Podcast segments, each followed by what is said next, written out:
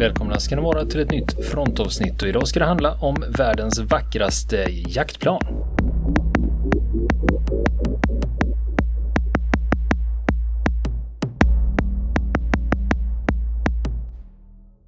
Och nu fortsätter historien om MIG-21. Men, alltså början av 60-talet så var det här fortfarande ett av de mest avancerade planen. När det introducerades. Och det hamnade ganska snabbt då på olika stridsskådeplatser utanför Sovjetunionen. Som i Vietnam. Där det liksom allra tydligast visade sina styrkor och svagheter. Det här planet. För det var redan, redan 1966 anlände de första eh, MiG-21 i packlårar till, till Nordvietnam. Och eh, monterades ihop där och fick eh, erfarna nordvietnamesiska piloter eh, bakom spakarna. De plan som man eh, oftast mötte i luften det var eh, delvis Starfighter men framförallt då F4 Phantom eh, i luftrummet över, eh, över Nordvietnam. Trots de här tillkortakommandena då i konstruktionen så visade och att den dessutom med kort räckvidd och en medelmåttig radar i planet Eh, så var det en dödlig motståndare som sköt ner åtskilliga amerikanska plan över, över Vietnam. Ehm, man gjorde jämförelser där, för många Phantom-piloter drog det kortaste strået mot, eh, mot MiG-21-piloter eh, över Vietnam. Ehm, det finns inte så särdeles pålitliga uppgifter om förlusttalen eh, Eh, i de här striderna eftersom bägge sidor publicerade fejkade eh, upplåsta eh, siffror för hur många plan man hade skjutit ner. Så att eh, det är, det är eh, inte helt lätt att säga men det finns en uppgift eh, som jag tror inte stämmer heller. Jag tror att den är väldigt överdriven som på, där man säger att eh, för varje MIG-21 som sköts ner så gick det åt tre amerikanska plan. Och det, det tror jag, ja, 1 till 3 precis. Eh, till MIG-21 fördel då. Eh, jag tror att den är ganska överdriven den siffran, men, eh, men de nordvietnamesiska piloterna som flög de här planen satte sig i stor respekt hos sina amerikanska motståndare. Eh, man gjorde jämförelser, eh, man analyserade skillnader och likheter för att komma fram till vilket var egentligen det bättre planet av de här. Och eh, man kom fram till att F4, Phantom, hade bättre elektronik än vad MIG-21 hade. Men MIG-21 var mer manövrerbar på höjder över 6000 meter. Eh, vilket medförde att där skulle nog eh, ja, Phantom-piloterna akta sig för att gå i strid med MiG-21. Eh, man hade bättre sikt som pilot i MiG-21 än i, eh, än i Phantom-planet. Och eh, alltså mer skjuts i motorn då när man tar det här snittet mellan kraft kontra vikt.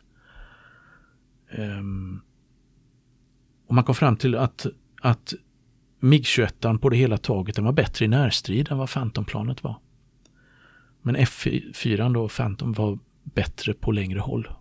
När man kunde använda sin elektronik och man kunde komma till skott med sina missiler. Eller sina robotar.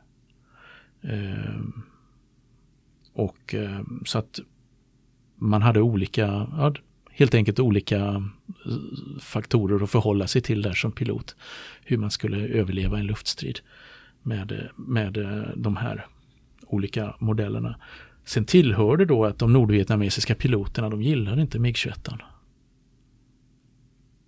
Speciellt mycket, utan de flesta nordvietnamesiska flygares, de föredrog att fortsätta använda sina gamla MIG-17. Därför att de var mer, mer eh, eh manövrerbara än, eh, än eh, MIG-21. Och eh, man ville utnyttja det och man hade ännu bättre sikt i MIG-17 än man hade i, i MIG-21. Och eh, av de anledningarna så tyckte man att det var, ja, tyckte de flesta piloterna att vi, vi använde hellre våra gamla plan när vi går i närstrid. Och eh, man utvecklade också då de som trots allt använde MIG-21. De kunde ju inte välja fritt de här piloterna men fick de så, så eh, gjorde de ju det kanske. Men man använde också en väldigt effektiv eh, taktik då under luftstriderna från nordvietnamesisk sida mot det amerikanska bombflyget och deras eskort. Då, och där man utnyttjade det här att man inte var så bra i närstrid. Alltså i, i klassisk kurvstrid. Utan det, det man var bäst på var att flyga snabbt rakt fram och slå till. Hit and run. Snabbt slå till och försvinna därifrån. Det var så man, eh, man eh, opererade med MIG-21 ganska stor utsträckning då i luftrummet över Vietnam. Och, eh, och det har kallats för ett gerillakrig i luften och det var, var fruktansvärt effektivt. Och framgångsrikt. Det blev problem när man satte in de stora B52-bombplanen och så vidare. Sen då när de kom upp på högre höjder. Men även de gav man sig på. Man specialutbildade MIG-21-piloter för att just angripa B52-orna. Och där finns det en uppgift då om en, eh, en eh, faktiskt att eh, en eller två MIG-21 ska ha skjutits ner av skyttar på B50, B52. Eh, obekräftade fortfarande de här nedskjutningarna men eh, det berättas om dem i litteraturen. Eh, och MiG-21 de flyger fortfarande i Vietnam. Åtminstone gjorde de det 2015 när eh, det vietnamesiska flygvapnet meddelade att man nu ska fasa ut dem för andra typer. Och eh, det första mötet mellan en amerikansk pilot, det var, om jag vill minnas så var det en Starfighter eh, pilot som mötte en, eh, mötte en MiG-21 1966 över Vietnam. Och insåg att det här planet kommer så snabbt i kapp med att jag började undra om det var fel på mitt eget plan. Det flög så långsamt att jag ville kliva ur. Och det blev en strid och han, piloten, eh, vars namn jag just har glömt, han lyckades för ett ögonblick i alla fall placera sig bakom MIG-21 för att kunna ge eld. I nästa ögonblick var MIG-28 borta. Eftersom den var eh, så mycket snabbare. Och det var första gången som man, hade, man möttes då på det sättet. Och fortfarande fram till 66 så hade man inga säkra tekniska data. Inte annat än det som eh, den eh, sovjetiska propagandan ville släppa då om de här planen och det gick ju inte att lita på. Men eh, de första säkra uppgifterna eh, dök upp just 1966 i Mellanöstern. Därför att Mossad, den israeliska underrättelsetjänsten, hade övertygat en irakisk pilot att hoppa av med sin MiG-21. Och det skedde i april 1966 där han tog med sig sitt flygplan helt enkelt och landade i Israel.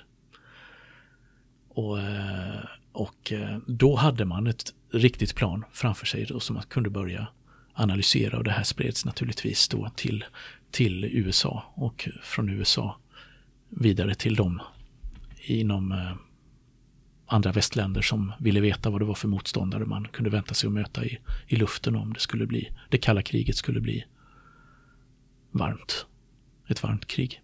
Mm. Och, eh, men då ska man också komma ihåg eh, att eh, de här planen som såldes utomlands utanför Sovjetunionen och Warszawapakten var som det mesta andra, annan sovjetisk krigsmateriel från den här tiden en sämre version av originalet. Exportversion, man gjorde speciella exportversioner av alla modeller. Och de hade alltid lite sämre prestanda än de eh, som man använde själva. Lite sämre eh, sikten, eh, lite sämre eh, motorkapacitet och, och allting. Och det hängde väl ihop med dels att man ville göra ett plan som var ja, lukrativt för fattigare länder att köpa. Att det skulle bli eh, möjligt för dem att köpa det. Men framförallt då att man ville inte avslöja de eh, ja, sanna prestanda planet hade. Man ville inte riktigt eh, liksom att det här skulle hamna i fel händer. Med alla hemligheter som fanns. Och därför så var det så med mångt och mycket då, även stridsvagnar och så vidare, att man gjorde sämre, sämre, sämre versioner helt enkelt som man sålde utomlands, vilket eh, riskerade då för de underrättelsetjänster som trodde, analyserade de här planen och den här andra krigsmaterielen då, att de kunde få fel uppfattning eh, om eh, fiendens förmåga. Om man bara analyserade exportversionen av ett, av eh, ett stridsflygplan eller en stridsvagn och så vidare. Så en del sånt. Men det har använts i många andra krig också. Alltså krigen mellan Indien och Pakistan, där användes det också på redan på 60-talet. Eh, och eh, även där så blev man chockad. De blev de eh, blev piloterna som mötte, mötte MiG-21. Eh, de pakistanska piloterna som mötte MiG-21 eh, chockade över det här planet som var så otroligt snabbt och som kunde jaga ifatt de pakistanska planen och, ehm, och eh, skjuta ner dem. Tidigare hade man trott att man skulle eh, genom att undvika, man skulle kunna göra även på, eh, med västbyggda plan då skulle man kunna göra det här. Man var misstänkte att de sovjetiska planen är överlägsna. Men om man gjorde en hit and run, man slog till och sen gav man sig därifrån fort som tusan så skulle man kunna klara sig. Men det upptäckte man då i och med de här striderna att ja, men det går ju inte. De kommer ifatt oss. Och, ehm, och där var det just Starfighter då som var som, eh, som Starfighter-plan som blev nedskjutna i, i de konflikterna där då. Och där man fick in de första rapporterna om vilka, vilka troliga förmågor som de här MiG-21-planen hade kontra västbyggda kärror. Um, men Mellanöstern har varit en stor tummelplats för MiG-21. Och speciellt då så är det under både 60, 70, och 80-talet och då är det Egypten, Syrien och Irak då som har, har varit stora köpare av MiG-21. Och um, så småningom då på ehm, um, 80-talet så utklassades de helt. När det gäller teknik och elektronik av, eh, av F-15 och F-16 som eh, det israeliska flygvapnet då hade börjat köpa in. Men eh, redan innan dess så, så tog det israeliska flygvapnet en ganska hård tull på, på MiG-21 med sina, sina dåvarande plan som, som Phantom och Mirage 3 som man använde. Fast man drabbades också av stora förluster på grund av de piloterna i de här planen. Som till exempel 67 då, sexdagarskriget. Då hade Egypten 110 MiG-21 ungefär i sitt flygvapen. Vet du hur många av dem som förstördes i kriget? Nej, jag, jag vet att det var många, men mm. hälften kanske? 100. 100? Av 110 ungefär. Ja, är... De flesta av dem på marken ja. ska tilläggas. Ja, men, men, jag... Eh, men, ändå även i luftstrider. Mm. För jag har hört mm. om det där att de åkte på en rejält mm. med däng men jag visste inte att det var i mm. den omfattningen. Ja. Och Syrien då, i samma krig. De hade 60 plan ungefär och förlorade 35 i, i luftstrider. Mot framförallt då Mirage 3 och Phantom. Och, ehm, och eh, efter sexdagarskriget då 67 så förekom det då ständiga luftstrider som idag är ganska bortglömda eh, utanför Israel och utanför den regionen. Då. Eh, där, där israeliskt flyg ständigt var i strid med eh, syriska och eh, egyptiska stridsflygplan. Ett slags utnötningskrig då som pågick i, i luftutrymmet där, där, um, det israeliska flygplanvapnet lyckades skjuta ner ett antal, rätt stort antal syriska plan eh, i strider. Där, och där det gick så långt, förlusterna all, gjorde att militärledningen i Damaskus blev så alarmerad att man, man eh, vände sig till Moskva. Att, Hallå, vi behöver hjälp här. Varpå Sovjetunionen skickar dit sovjetiska piloter. Som sätter sig bakom spakarna som är betydligt mer utbildade. Och, som, och där det under 1970 framförallt utspelas luftstrider mellan israeliska och sovjetiska piloter i luftrummet över, eh, ja, över Israel och över, eh, över Syrien. Och eh, där det ledde till kännbara förluster på båda sidor. Men ett känt tillfälle vid det här, under det här utnötningskriget är när israelerna eh, planerar ett bakhåll och lockar in flera Sovjetflugna MIG-21 rätt i gapet på en större styrka med Mirage 3 och skjuter ner flera av de här MIG-21 och dödar tre sovjetiska piloter. Så det är en av de här händelserna som, som ingår i den, eh, i den ganska dramatiska israeliska eh, flygvapenhistorien eh, från de senaste årtiondena.